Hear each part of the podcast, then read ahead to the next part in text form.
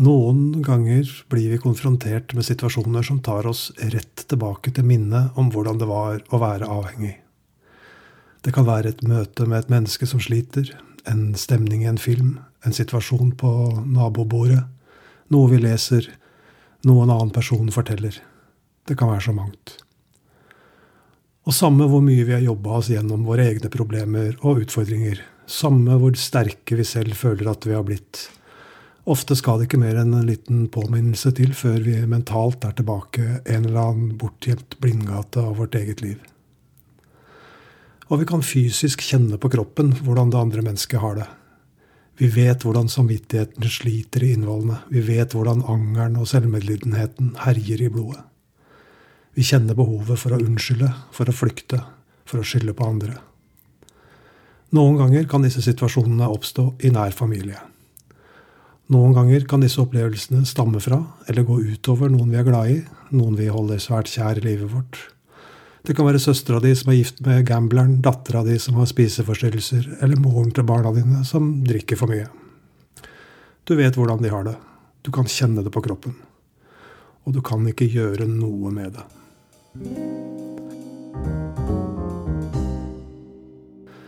Hei. Jeg heter Alexander, og jeg vet like godt som deg at det er umulig å hjelpe et menneske som ikke vil hjelpe seg sjæl. Medavhengigheten ligger og lurer i vannskorpa. Hvordan skal du angripe en uholdbar situasjon som går utover noen du elsker? Hvordan skal du få misbrukeren, overgriperen, selvskaderen til å forstå at det finnes en annen løsning? En bedre vei? At det er en vei ut hvis de bare stepper opp og tar ansvar for sitt eget liv, for sine egne følelser, for sine egne problemer og sine egne utfordringer. Det kjipe svaret er at det kan du ikke. Du kan rope, du kan kjefte, du kan trygle og be. Du kan konfrontere dem, shame dem, trøste dem og høre på dem. Men de kommer ikke til å forandre seg. Det kommer ikke til å skje en dritt før de kommer til det stedet i seg sjøl hvor det er som mørkest. Det er ikke før føttene står godt planta i bunnen av det mørke hølet de driver og graver seg ned i, at det er mulig å innby til endring. Og det er så jævlig vanskelig å sitte og se på. Det er så jævlig å kjenne maktesløsheten komme krypende, igjen, når vi endelig trodde den var stua vekk for godt. Som du kanskje forstår, så står jeg midt oppi en slik situasjon akkurat nå. En av de viktigste, kanskje den aller viktigste personen i livet mitt, er det uskyldige offeret for en annen persons egoistiske og selvfornektende handlinger. God påske, liksom. Jeg fant det ut i går. Litt tilfeldig, men samtidig er det noe jeg har mistenkt og frykta over ganske lang tid. Men eh, hun har vært flink til å holde det skjult. Som oss er hun ekspert på å holde på hemmeligheter, kjempegod på bortforklaringer, og ljuger uten å blunke om hva det skal være, bare det kan beskytte henne fra den sviende sannheten. Så det er så vanvittig gjenkjennende. da. Det pirker i så mange gamle og grodde sår. Det er så lett for meg å være empatisk, så ubehagelig å vite at det kunne vært meg. Hadde jeg bare ikke valgt å slutte i tide. Jeg har selvsagt vært gjennom hele spekteret av følelser allerede. Jeg har vært oppgitt, sint, apatisk, rasende, løsningsorientert, avvisende og bare ønska å lukke øynene og gå min vei. Men jeg har klart å la være å handle på dem. Jeg har ikke gjort noe som helst. Jeg har sittet stille i båten. Jeg har tenkt fram og tilbake. Jeg har ringt en venninne, jeg har drukket kaffe med en venn. Jeg har spurt meg til råds, jeg har lest om andre som har opplevd det samme. Og jeg er litt klokere, men absolutt like dum. Og det er der jeg finner min egen vekst. Det er når jeg kan stå rolig i midten av stormen og kjenne på alle følelsene mine uten å hekte meg på dem. Når jeg klarer å forstå at dette ikke handler om meg, at det ikke er min kamp, at det ikke er mitt ansvar. Det er da jeg smiler litt for meg sjøl, kikker opp og sier tusen takk. For at jeg har fått lov til å lære å takle livet mitt på en annen måte. Live and let live. Lev og la leve. Jeg skal ikke fortelle noen hva de skal gjøre. Jeg skal ikke forsøke å kontrollere livet til noen andre. Jeg skal ikke forkynne løsninger der ørene ikke er åpne. Men jeg kan så et frø, og jeg kan plante et håp. Jeg kan være der for de rundt som er offer for dette her. Jeg kan snakke om mine egne erfaringer og dele min egen historie. Og jeg kan spre så mye kjærlighet som jeg bare kan. Jeg skal være den første til å innrømme at det er mye enklere å sitte her og si det til deg akkurat nå, enn å gjøre det i praksis. Men jeg skal gjøre så godt jeg kan. Alkoholikeren har alltid en unnskyldning. Overgriperen alltid en grunn. Og for hver eneste misbruker og mishandler som går på denne kloden, finnes det en hærskare av pårørende som får livet av sine besudla med disse menneskenes indre stridigheter. Det var bare jeg som drakk i min familie.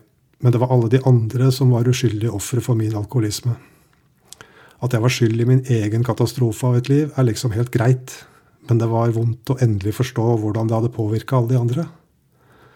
Like vondt som det er å stå og se på nå, når det skjer med noen jeg er villig til å gått i krigen for. Det er nå jeg skal vise hvem jeg har blitt. Det er nå jeg kan velge mine aksjoner og reaksjoner med omhu og kløkt.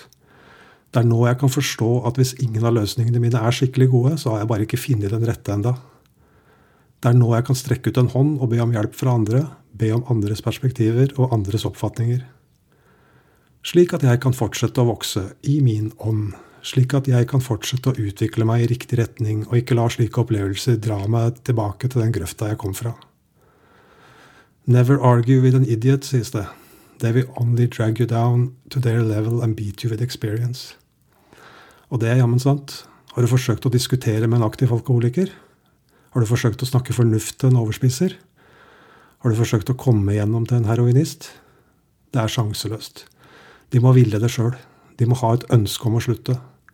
De må ha gått på trynet mange nok ganger til at de ikke orker mer. Da kan vi hjelpe. Da kan vi være der. Da kan det frøet vi sådde, få næring og lys. Det er midt i den stille uken. Den ble ikke så stille som jeg hadde sett for meg, men sånn er det med forventninger, da. De spretter opp og fiker til deg noen ganger. Resten av denne uka skal jeg gjøre det jeg kan gjøre. Jeg skal være der for de som trenger meg. Jeg skal være her for meg sjøl.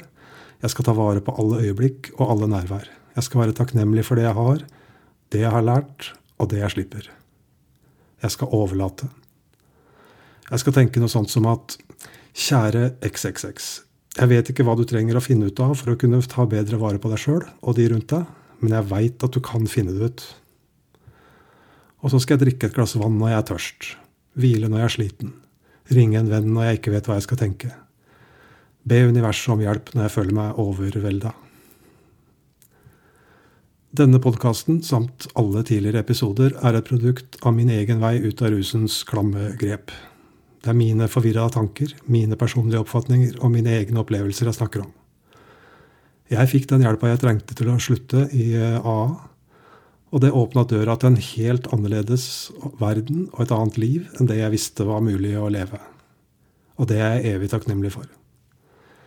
Det fins mange stier til det stedet vi kaller sinnsro, og jeg velger å se på meg sjøl som en eventyrlysten og søkende sjel i den skogen.